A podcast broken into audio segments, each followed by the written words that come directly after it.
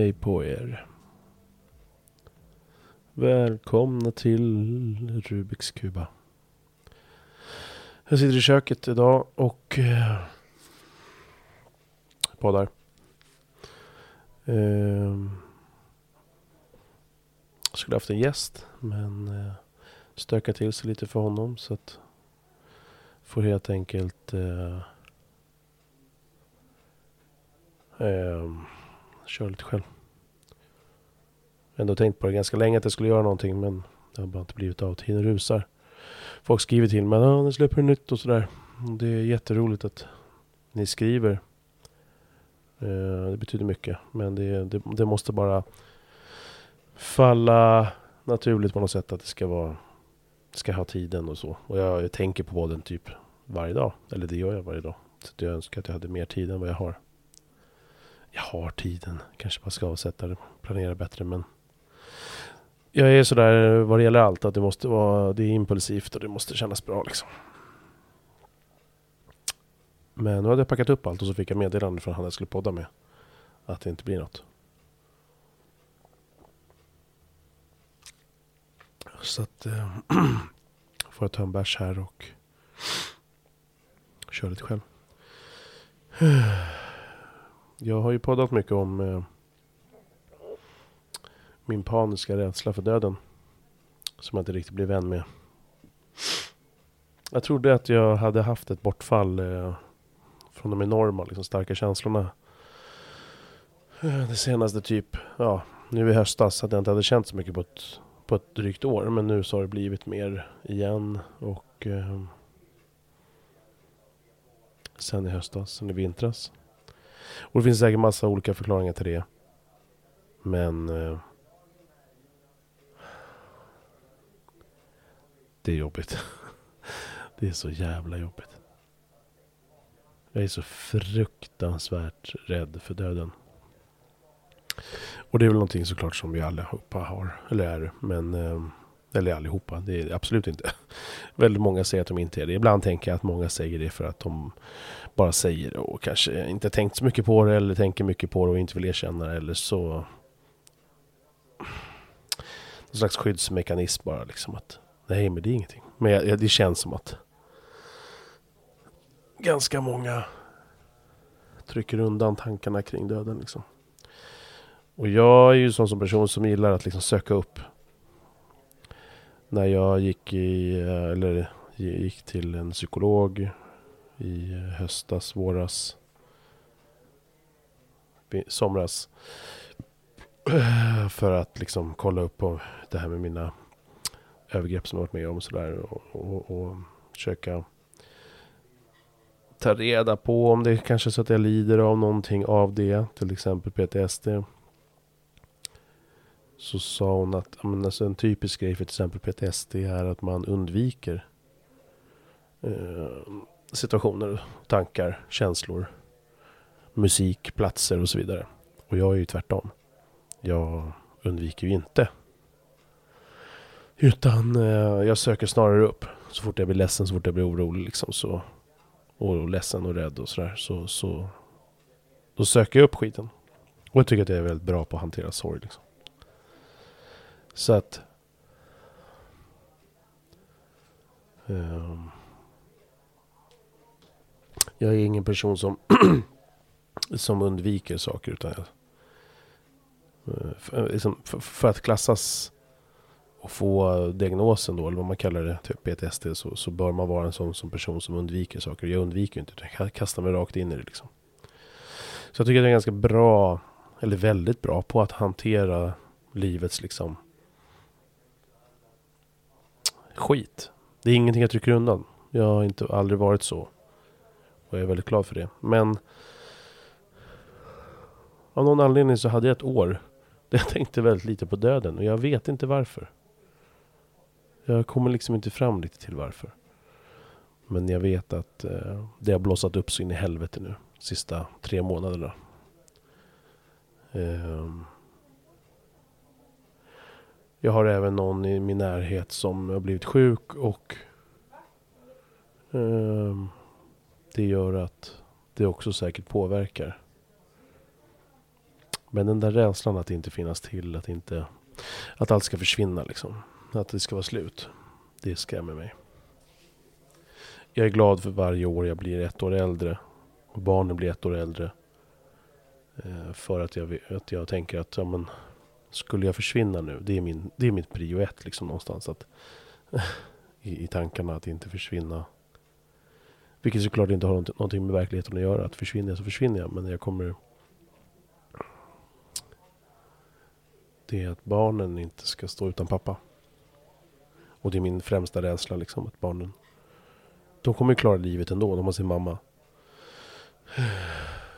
Så att, men, men jag vill finnas där. Och av allt att döma så när jag hör berättelser om människor som förlorar sin pappa. Såklart mamma också. Men nu är jag man och mamma pappa. Så att, det är det jag pratar utifrån. Eh, så så är det en, en pusselbit som inte bör försvinna liksom. Utan den måste finnas på plats. Och jag vill finnas där för dem. Liksom sådär klassiskt eh, patriarkalt. Vad säger man? Så såklart att jag jag ser mig som min familjs främsta beskyddare och vill ju vara där och finnas där och och så. Och det, jag blir rädd. Jag har varit fruktansvärt rädd sista tiden. Och jag har ju poddat så mycket om det här Om min rädsla för döden. Så att jag är rätt less på det faktiskt. Jag är, jag är väldigt less på att tänka på det. Jag är väldigt less på att prata om det. Men det är någonting, en ångest jag inte kommer över. Och jag vet liksom inte hur det är att ha ångest. Jag pratade med en kompis eh, bara här igår. Eller i fredags. Som berättade någonting som jag inte riktigt har vetat innan. Men hur mycket han lider av panikångest liksom. Och jag jag vet inte hur det är. Jag vet inte hur det är att, att leva med en känsla i kroppen där man inte vet vad det är som är fel. Jag har, jag har liksom aldrig riktigt haft en sån känsla. Och är väldigt glad och lycklig för det. Men jag har aldrig haft liksom det där som många beskriver som ångest och panikångest och sådär. Utan jag har bara hört det, fått, fått det berättat för mig och har all, all respekt för det. Men jag vet inte hur, hur det känns. Jag har haft en oidentifierbar ångest en enda gång och det var när jag efter en festnatt eh, hängt med folk, okända folk på krogen och stått på en toalett och dragit i mig mycket kokain. Det är liksom den enda gången dagen efter. Och som tydligen är ett vanlig grej. Att man får dagen efter man, man, man dragit cola. Det är liksom att man får mycket ångest. Och den känslan var ju fett obehaglig. Så att det är liksom närmsta jag har varit att känna eh, den känslan som folk beskriver. Att det är någonting som är fel i kroppen. Mer än så har jag inte haft och jag är som sagt väldigt glad för det. Men det känns också lite som att det är ett handikapp när folk beskriver det här. För folk beskriver det så ofta och väldigt ingående och väldigt djupt. Hur jobbigt den där ångesten är som kompisen jag pratade med i fredags. Hur han kunde stanna bilen och skaka ihjäl liksom. Och tro att han ska dö.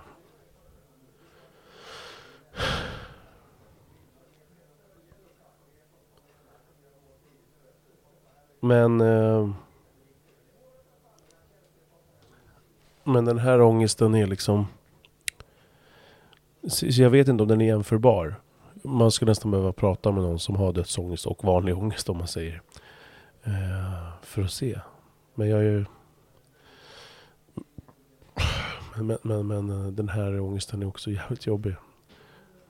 Eh, att jämt tro att det är sista dagen liksom. Men så sa någon som jag lyssnade på som pratade just om dödsångest att varför är man så rädd för att gå, alltså att, att gå och dö? Men man är aldrig rädd för att somna in på kvällen. För du vet ju inte. Du vet ju inte om det. Och som tur var så har jag inte den rädslan. Vilket jag tänkt när jag, när jag tänkt mycket på det. Att fan jag hoppas verkligen inte jag blir nojig för att gå och lägga mig och sova. Utifall att det är. Så har jag som tur var inte fallit in liksom i de, i de tankarna. Men det är en läskig tanke. för, det, för någonstans är den också rimlig att varför är man så rädd för att gå bort? För du vet ju inte om du somnar in i sömnen liksom. Och det är ju inte konstruktivt att gå och tänka de här tankarna hela tiden. Men jag kan inte göra någonting åt det. Det bara kommer. Så det är ju om något som jag skulle behöva gå in till exempel till psykolog för att prata om. Liksom. För att försöka dämpa, för det, det är jävligt olidligt. Eh är för jag vill verkligen hamna, jag försöker hamna, komma till någon slags acceptans att jag, jag kan inte kontrollera det här och det är inte rimligt att försöka det är inte någonting jag heller försöker. Jag försöker inte kontrollera någonting men, men jag kan inte.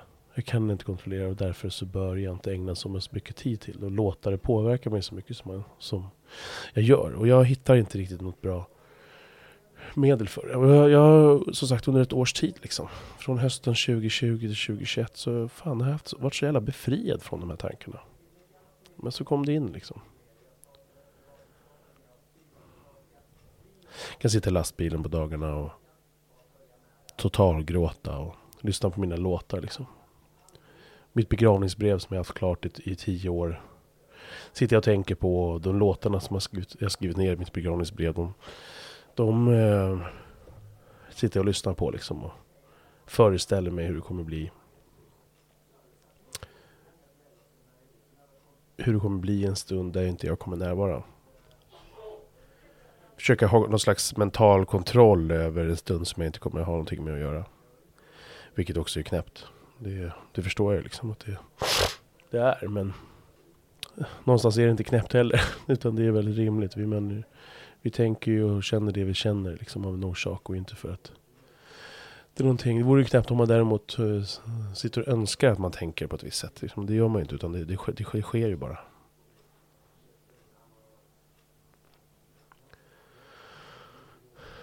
Det är någonting som har varit mycket sista tiden. Och sen någonting som verkligen också börjar slagit mig. Och inte slagit mig som att jag har någonting som jag är helt hundra på. Men någonting som jag verkligen eh, tror. Um, och det har jag ju redan poddat mycket om. Det här med övergreppen och, och sådär. Men... Eh, men hur det har påverkat mig. Den förnedringen det var att det finns en speciell, en speciell situation i det här. Av de här övergreppen. Som har satt sig, liksom som är någonting som jag tänkt på väldigt, väldigt mycket sista tiden.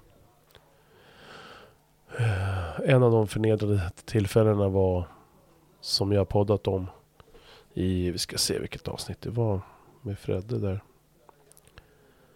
Uh, vi ska se. Jag tror att pausa lite. Uh.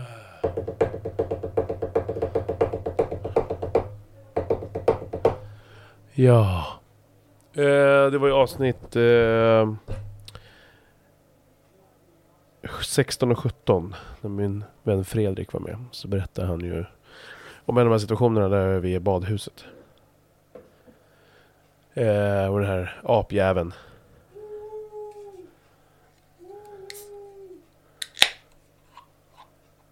förgriper sig på mig. Så är det just den där eh, förnedringen av att... Jag har tänkt mycket på det så jag börjar minnas mer liksom tillbaka. Hur han kommer dit.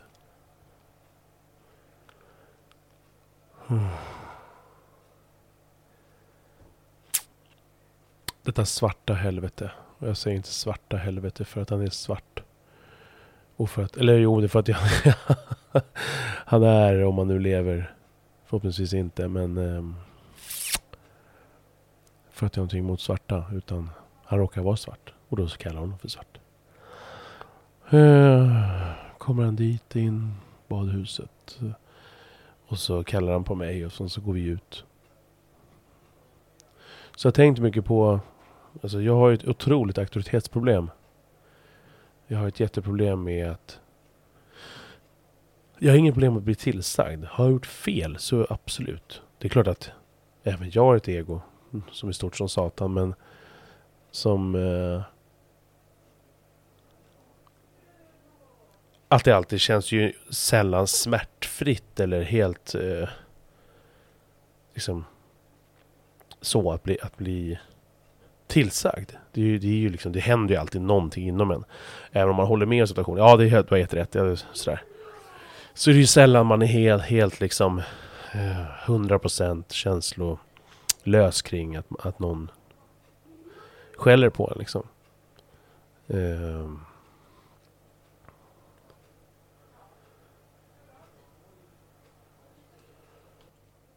Men att jag, jag har problem eh, när någon däremot säger någonting som jag inte kan hålla med om. Eh, vi kan ta covid nu som är just nu. Jag klarar inte av att människor säger till mig att jag ska vaccinera mig fast jag känner mig tveksam. Helt 100% oaktat varför jag inte vill. Vi skiter i det.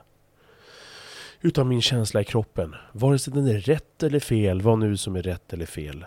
Men oavsett varför så, har jag, så vill jag inte ta det. Och då har jag problem att någon vill tvinga mig att ta det. Um,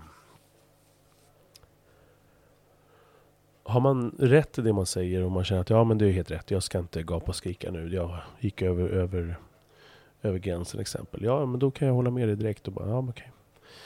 Eh, du har rätt, jag ska vara tyst liksom. Det är en sak. Så det är inte... Uh, så att varje gång någon säger till mig så har jag ett auktoritetsproblem. Det är absolut inte. Utan när jag har fel, då har jag fel och då är det rätt. men när jag anser att jag inte har fel, men någon vill påstå att jag har fel, som exempelvis nu. Det är ju mycket, mycket jidder och snack och bråk och stök om att man är en, för många då, en antivaxer. För att man, det spelar liksom ingen roll vad man har för uh, inställning och varför. Man att man inte vill vaccinera sig är lika med ett tecken med ovaccinerad. Eller vad säger jag, eh, antivaxer. Och eh, man är osolidarisk och så vidare. De tittar på fotboll här i bakgrunden, det är därför. Uh, och jag köper inte det narrativet. Liksom. Jag tycker inte att det är så. Jag tycker att det är orättvist. Och jag tror att den situationen i badhuset eh, har med det här att göra. Inte bara den situationen utan Men det är den jag kan minnas. Jag minns den och en gång hemma hos honom. Men just det där Då var jag ändå, då hade jag gått dit liksom. Så jag var där så. Men nu den här gången så var jag med min kompis Fred och badade och så kallade han på mig och jag gick dit. Och så gick vi in i det här båset. Jag tycker inte att det här är smärtsamt, men det är så ändå jävla, så jävla smärtsamt att prata om. För att det just är så förnedrande. Och fast jag just nu utan gråt känner mig så ledsen liksom. Kring det. Att jag behövde tvingas, i det, i, i, i, tvingas till det. Liksom. Jag, eh, jag har betett mig själv illa. Jag ska fortsätta berätta om badhuset, men jag ska säga först att jag, jag har betett mig illa. Jag har eh, tjatat mig till sex. Eh, absolut. Men det är en skillnad att med sin sambo, fast vissa kanske hävdar att det inte är det. Men, eh, med sin sam sambo tjata till sig någonting. Och att på riktigt tvinga och våldta. Jag tycker att det är skillnad. Så, eh, men, men, men den förnedringen att inte vilja vara med på det överhuvudtaget. Att inte ens ha en relation där sex ingår liksom som, man, som, man, som det någonstans gör i som det gör i en, en samborelation eller man är gift eller vad fan man nu har för konstellation. Och sen bli tvingad till det. För att någon annan säger någonting. Det är... Jag vet inte. Det går knappt att beskriva liksom, den känslan. Så han ropar på mig och jag följer med honom in i det här båset. Just då i Huddingehallen så, idag är det ombyggt men då var det Då var det liksom bås. Så gick man in. Och så var det så att man, man, man stängde bås. Man gick in i båset. Och då stängde man dörren liksom. Eller man öppnade upp dörren. Och den dörren var också det, det som var själva låset till skåpet. Så att säga. Så att dörren, den, om den var öppen, ja då var det ledigt för då var det ingen som hade det. Utan då, då stängde man till det mot skåpet. Liksom så här. Man öppnar upp det som att man ska gå in. Och där eh, hänger man in sina grejer då innanför. På, in, på baksidan av dörren så att säga, när man går in i båset. Eh, och där hänger man in skiten. Och sen så låser man genom att använda dörren som ett skåp. Eh, skåpsdörr liksom. Så här. Ja, det blir ett skåp. Mm. Och så hänger man ett hänglås. Så att det han gjorde då var att vi gick in där.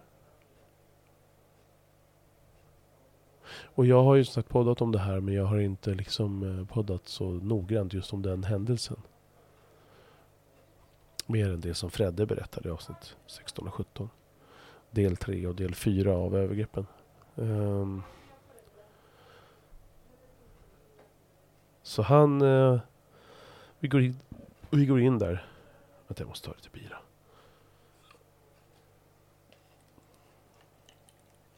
Det är en ganska konstig känsla just nu.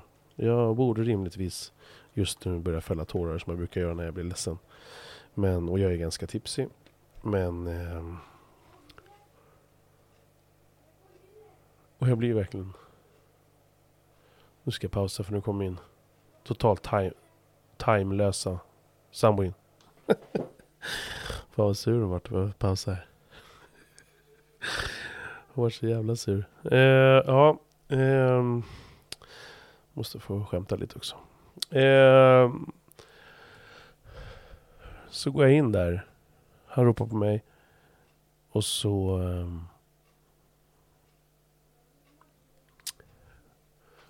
går jag ur poolen, är med min polare Fredde. Och så säger han kom med här. Fan. Jag vill passa på också och rekommendera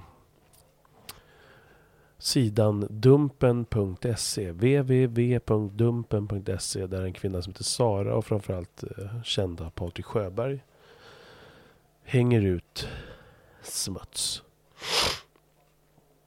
Det smutsigaste vi har. Vuxna män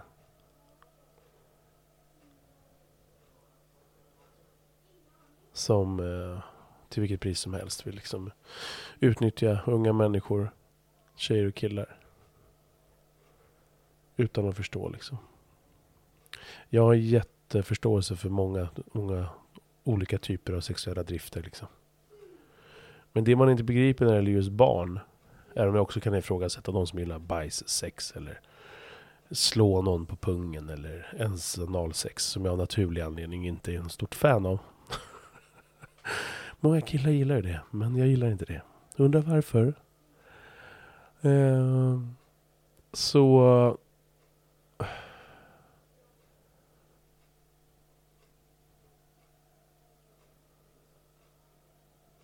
Så är det en sak när man vill gå över gränsen och ta sig på barn. Liksom. Antasta barn som... Som är just barn. Som är liksom... Som inte kan freda sig på det sättet. Så gå in där och titta. Dumpen.se. Jag har hängt ut mycket på mina sociala medier för jag tycker att det är rimligt och det är bra. Även om de inte är dömda så har de lockat till sig de här pedofilerna och de är beredda att begå övergrepp på unga. Ofta tjejer men även pojkar. Uh, och jag hoppas att ni alla dör. Jag tycker inte att människoliv är heligt. Jag tycker att människor som beter sig bra och som försöker men begår misstag och som är insiktsfulla och kan erkänna sin skit är en sak. Men människor som bara skiter i det. Som pedofiler gör. Och inte förstår vad de sätter in för förakt och hat och osäkerhet och så. Jag är ganska, jag är ganska imponerad ändå av min egna utveckling på så sätt att jag inte har blivit en så pass trasig person. Att jag ändå har bra självförtroende och eh, en väldigt bra självkänsla. Nästan för bra. Men att eh, det på sätt såklart har påverkat mig på massa sätt. Så att när han kallar på mig från badhuset från bassängen, i badhuset från bassängen så går jag med honom och så går vi in i det där båset och så jag brukar inte ha svårt att prata om saker men det här är ändå svårt liksom någonstans, såklart. Så kallar han på mig och så går vi in. Så går vi in i det här båset och så, jag vet inte. Jag har någon slags minne av att han gör någonting. Jag vet inte om det fanns någon slags jävla metallgalgar eller någonting som hängde där. Jag vet inte, jag minns inte exakt. Men någonting så gör han typ ett lås av. Någonting som man bara krokar i då. För inifrån kan man ju också låsa. Som att man med den här äh, dörren stänger till och skapar ett skåp. Så kan man också såklart låsa om sig när man är inne och byter om. Eh, och... Um, så han låser till där. Ja, men om, om det nu var så, jag minns inte exakt.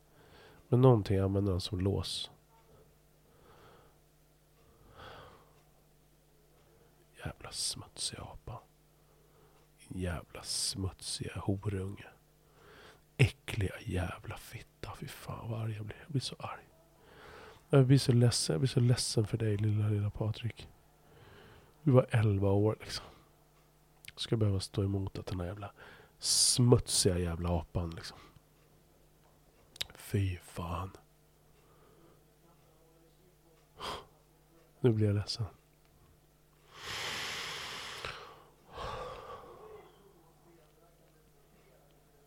Smutsiga jävla äckliga horunge. Din odugliga jävla fitta. Du kunde inte leva kvar. Dina föräldrar ville inte ha dig. Din jävla äckliga jävla fittunge. Så du blev adopterad till Sverige.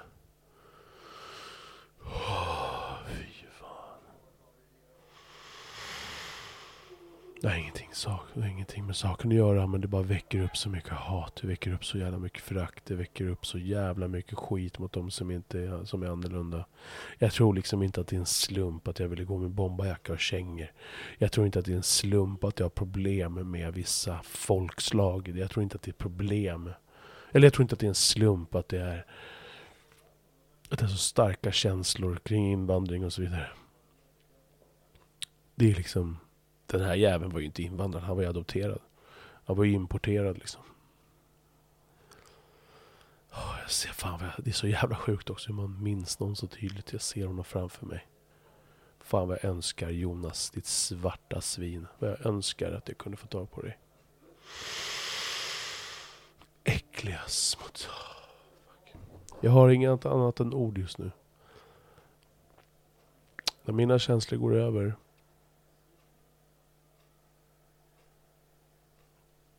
jag höll på att säga gå överstyr, men det är inte det det handlar om. När mina känslor blir så starka, då är det ord jag tar till. Därför jag blir fett trött på det och less och trött och lack och förbannad. Folk ska, ska hålla på och jiddra om att ord är känsliga. För ord någonstans ofta kommer ur vrede och så vidare. Och ord absolut, det betyder saker men det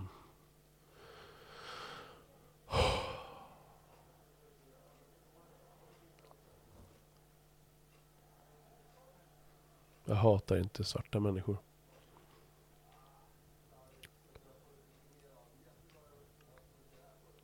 Men svarta människor påminner mig om saker som jag varit med om.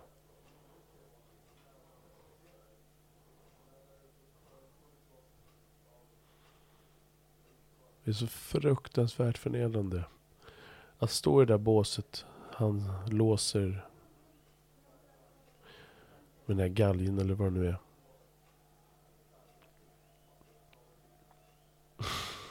jävla horunge. Smutsiga jävla horunge.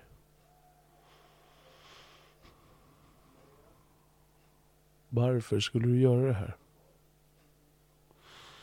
Det är klart jag vet det. Jag har en otroligt stark sexdrift själv. Jag fattar den. Du såg någonting som du ville eh, göra och du gjorde det liksom. Att följa sin sexdrift säger jag ingenting om. Men att inte tänka på vad konsekvenserna gör för någon annan, det är en annan sak. Så liksom det förnedrande i det här, det är då att han låser om sig och sen så står vi där inne. Och så ska jag ta av mig mina badbyxor liksom. Och böja mig framåt.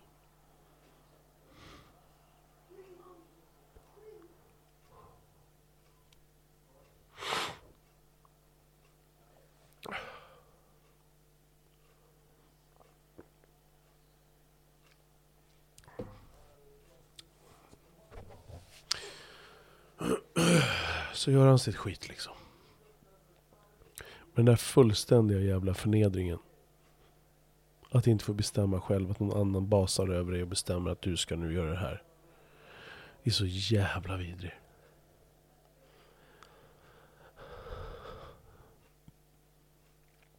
Och jag tror ju att det här är en del av mina auktoritetsproblem. Jag tror ju att det här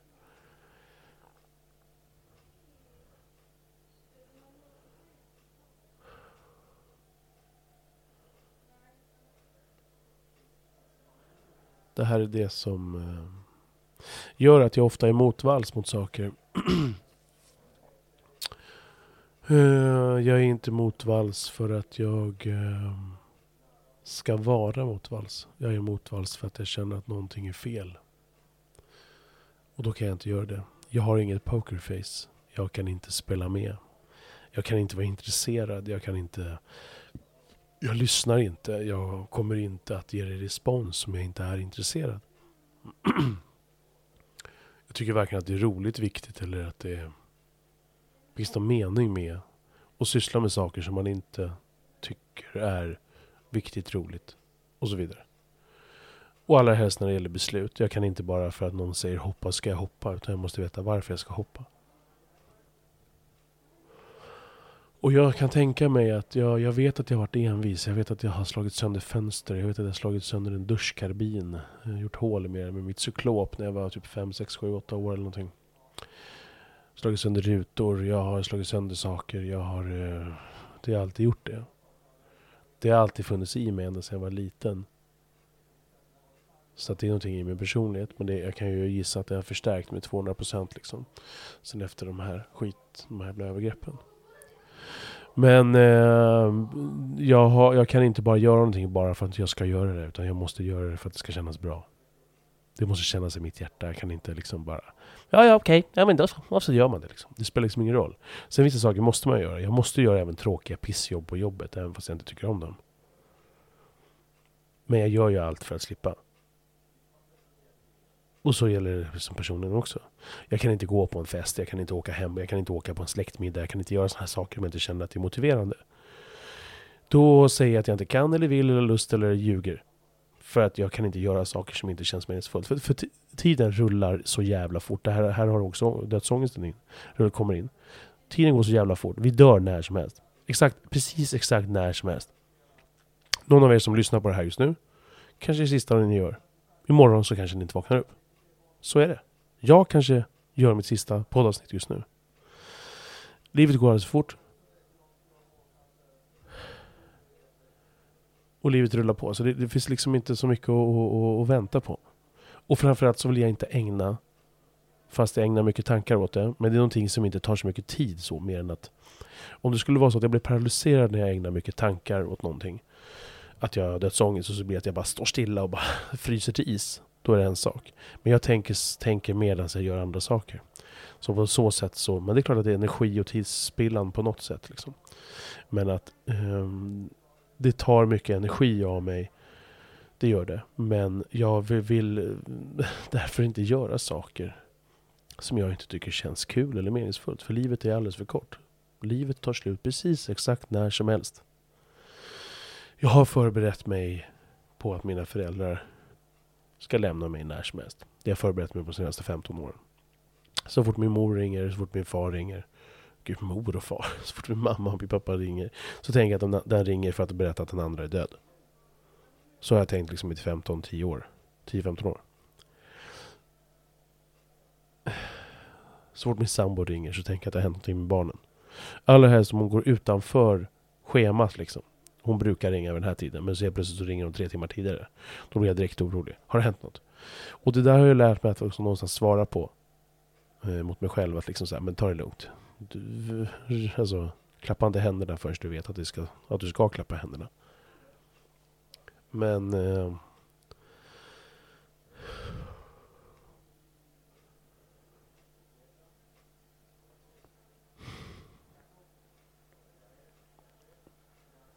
Mm. Men jag kan liksom inte ägna mig åt saker som inte känns meningsfullt. För att livet är kort och för att jag... Jag tycker det är så jävla tråkigt att göra någonting som man inte vill göra. Superenkelt tycker jag. Ehm. Så jag har problem med när någon oaktat varför säger till mig att jag ska vaccinera mig fast jag inte riktigt känner att jag vill.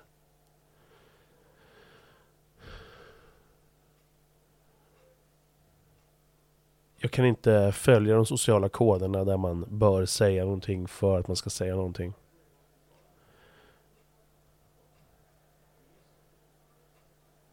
Um,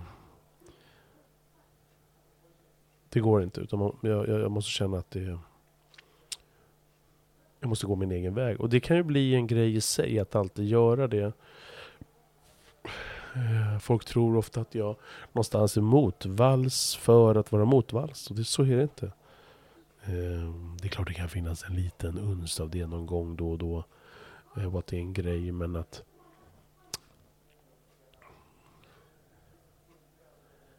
Jag, jag tycker att det är viktigt att ifrågasätta saker. Jag tycker folk alldeles för mycket bara följer med. Liksom. Jag tycker alldeles för mycket att folk är får och bara säger ja, ni säger att vi ska hoppa, men då ska jag hoppa. Liksom. När, när man egentligen egentligen inte vill. Jag har varit med för många jobbsituationer på tidigare jobb där folk har bett mig, kan inte du prata? Kan inte du säga någonting här på mötet? Då? Du som kan prata och är bra på att prata. Ja visst. Så tänker man att man ska bli uppbackad. Det blir man inte. För att de som ber en om någonting som inte själv vågar backar den inte ens när det är dags att backa. Och det är så folk funkar liksom.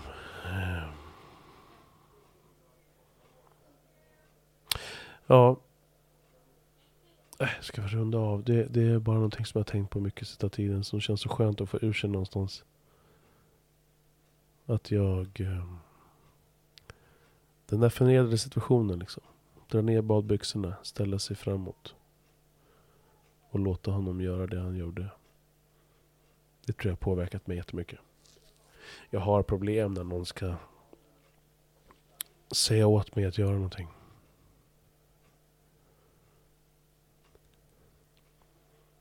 Som jag inte själv tror på. Och att det går emot min vilja. Och det är väl just det att det går emot min vilja som gör att det känns jobbigt.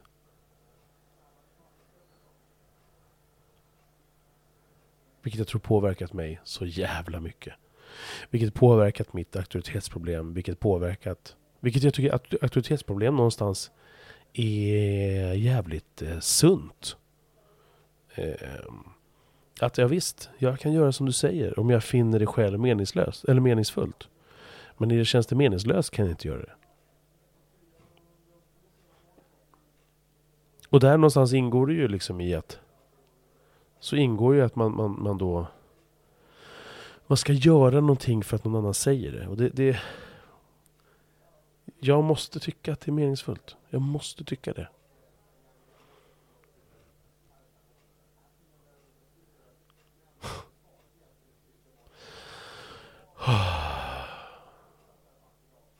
Ska, min fråga är ju, jag har tänkt mycket på det sista tiden. Ska jag leta upp den där jäveln? Ska jag försöka hitta honom? Facea honom. Jag har ju känt länge och jag har sagt i tidigare avsnitt att jag... Nej men jag har inget behov av det. Men jag kanske börjar få behov av det. Kanske ska, ska jag kon, liksom, konfrontera honom. Tja. Ska jag bara tala om en sak. Ska jag ta på mig min tyska Wehrmachthjälm då? Det är frågan. Eh. Och samtidigt så är jag ju liksom, det är också en konstig känsla för att jag är ju också glad över jag är glad ändå för mitt aktivitetsproblem. Det, det har jag inga problem med. Men jag är, inte, jag är absolut inte glad för att det hände. Men jag kan, jag kan vara glad över vad jag tror och misstänker. Resultatet av de övergrepp jag varit med om har skapat den Patrik som jag i mångt och mycket tycker om. Det finns delar i mig som jag inte tycker om. Men i mångt och mycket så tycker jag om mig själv. Jag trivs med mig själv. Uh, har ett bra självförtroende och bra självkänsla. Men det har också skapat någonting som gör att jag står upp för mig själv. Att jag inte riktigt lyssnar på att jag måste gå min egen väg och så vidare. Vilket jag tror är viktigt. Det är jävligt roligt för jag ser min dotter framförallt. Som snart är 13 år. Hon går sin väg. Och jag, jag, jag romantiskt tänker att det har någonting med mig att göra. Men det har det förmodligen inte. Men jag lever i den villfarelsen att det kanske är så. Att hon är sitt, har sin stil. Ser absolut inte ut som någon annan vad jag vet på skolan. har sin, sin grej och kör sin grej. Svarta kläder och svart smink. Som när jag var ung. Fast jag hade inte smink men svarta kläder. Och gör det. Bara helt utan att bry sig om vad alla andra jävla säger liksom. Så att jag vet inte. Det kanske inte har med att göra och det är väl svårt att utröna. Det, väl, det kommer jag väl förmodligen aldrig få svar på. Men jag lever i den mysiga tanken att jag kanske har påverkat henne på det sättet. Jag vet inte. Att hon någonstans ser att hennes pappa skiter i vad andra tycker. Och det är någonting som är så jävla oviktigt som jag verkligen vill få med mig till andra människor på något sätt. Även ni som lyssnar nu. Bara så här, skit i vad andra tycker. För fan ingenting är så jävla oviktigt. Det är klart man ska ta hänsyn. Det är klart man ska bry sig om, om, om vad ens nära och kära typ tycker och sådär. Och det betyder inte lika med tecken som många kan tolka ibland. Att det betyder att jag ska, eller att jag, att man ska vara otrevlig och onajs. Och skrika åt folk. Utan bara såhär om du tycker att det är jobbigt att jag säger de här orden, eller om du tycker att det är jobbigt att jag bär de här kläderna, eller om du tycker att det är jobbigt att jag tar upp det här ämnet på familjemiddag. Ja men fuck you, deala med din egen jävla skit. Begränsa inte någon annan. För att man vill uttrycka sig liksom. Utan du får faktiskt deala. Sen ska man ta hänsyn. Vet man om att någon precis har dött i cancer. Då kanske man inte behöver raljera över, inte vet jag vad. Men man kanske kan ta lite hänsyn. Självklart. Men när man inte vet någonting ex, eh, liksom specifikt att det här ämnet som jag vill ta upp som jag tycker är irriterande i familjen, på jobbet, vad det nu än är, är någonting som någon eh, direkt kommer känna någonting för. Om man inte vet om det, så ta upp det. Tänk inte på att, ja men tänk om någon tycker att det är jobbigt att jag raljerar över min grannes katt här nu. För att jag vet att minsann den killen eller den tjejen har en katt hemma. Skit i det. För det är inte den katten du pratar om. Och det är inte den situationen du pratar om. Utan så här. Kör ditt race. Det är det jag försöker förmedla till de jag har nära mig. Skit i andra. Fuck you liksom.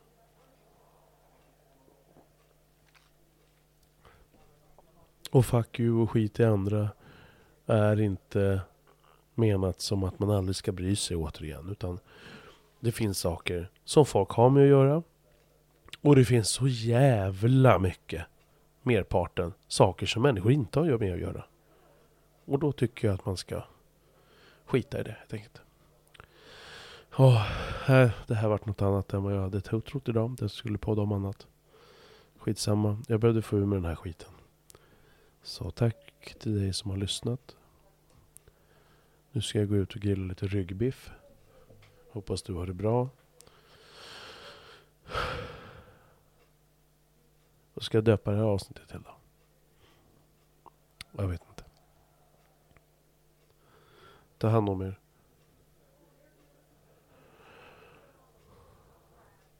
Det finns oftast en längre story bakom saker och ting. Det är oftast inte det lilla klippet på Instagram. De lilla korta sekunderna av någonting, av något yttrande. Utan det finns oftast en, en längre story bakom någonting. Och även om man inte alltid då kan dela den långa storyn till någon som där man kortsiktigt, alltså man har ett samtal, man skriker någonting, man säger någonting. Och det, det är de sekunderna som någonstans gäller när man har den fighten, den diskussionen. Just för stunden. Så, så tror jag att det är en bra tanke att med sig. Att någonstans inte bara tolka, även om det är det man gör någonstans. Man kan ju bara tolka utifrån det du säger här och nu. Men att försöka att inte fultolka människor. Att försöka att förstå den större kontexten. Det tror jag finns ett bra värde i det liksom. Ja, fuck it. Nu börjar jag bli lite halvdragen här. Klockan är 20 över 7, kvart över 7. En söndag. Nu ska vi ut och grilla. Så hörs vi. Heja Djurgården. Heja Chelsea.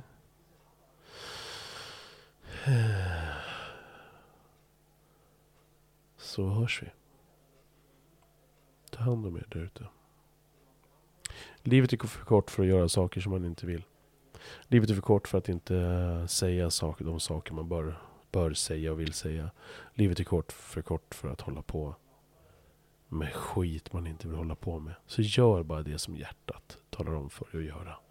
Din känsla, din magkänsla. Skit i allt annat. För allt annat är oviktigt. Det är på riktigt oviktigt. Så är det. Ta hand om er. Puss på er. Kram. Hej.